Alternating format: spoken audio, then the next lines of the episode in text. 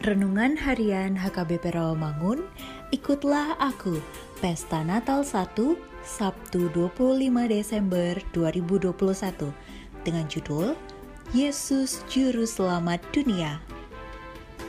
Kebenaran firman yang menjadi ayat renungan kita hari ini ialah Lukas 2 ayat 1 sampai 7 yang berbunyi Pada waktu itu Kaisar Agustus mengeluarkan suatu perintah menyuruh mendaftarkan semua orang di seluruh dunia. Inilah pendaftaran yang pertama kali diadakan sewaktu Kirenius menjadi wali negeri di Syria. Maka pergilah semua orang mendaftarkan diri masing-masing di kotanya sendiri. Demikian juga Yusuf pergi dari kota Nazaret di Galilea ke Yudea, ke kota Daud yang bernama Bethlehem, karena ia berasal dari keluarga dan keturunan Daud. Supaya didaftarkan bersama-sama dengan Maria, tunangannya yang sedang mengandung.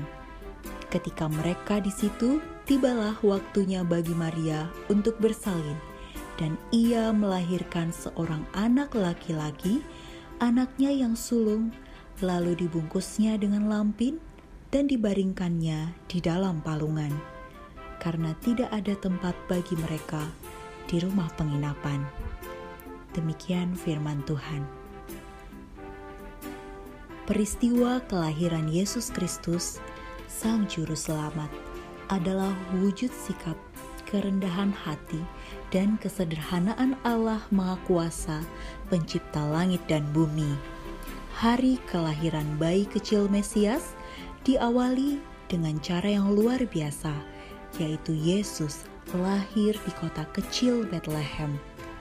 Di ruang bawah untuk menampung binatang di sebuah penginapan kecil, bukan di istana raja di kota besar.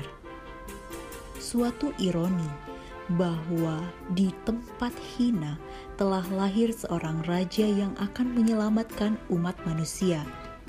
Apa yang kita dapat renungkan dari peristiwa kelahiran Yesus Kristus ini? Perayaan Hari Natal mengajarkan kita supaya kemeriahan Natal kita lakukan dalam kesederhanaan dan kerendahan hati jangan jadikan hari peringatan kelahiran Yesus Kristus hanya sekedar pesta pora dan seremonial belaka saja. Mari kita merenungkan kembali kasih Allah yang begitu besar kepada kita. Memberikan ruang yang utama di hati kita untuk Yesus Kristus, Juru Selamat kita. Walaupun saat ini masih menjalani masa pandemi, jadikanlah perayaan Natal menjadi semakin bermakna melalui kehangatan dan kasih dalam keluarga kita, serta ucapan syukur karena Tuhan telah menjaga kita sepanjang tahun ini. Bukan hanya di saat Natal saja, namun setiap saat kita meneladani makna sesungguhnya dari kelahiran Yesus Nyatakan sikap rendah hati dan kesederhanaan itu dalam seluruh kehidupan kita. Selamat Hari Natal. Tuhan Yesus memberkati. Mari kita berdoa. Kami bersyukur dapat merayakan hari kelahiranmu ya Yesus Putra Allah. Mampukan kami, hidup kami dalam kerendahan hati dan kesederhanaan seperti Engkau. Amin.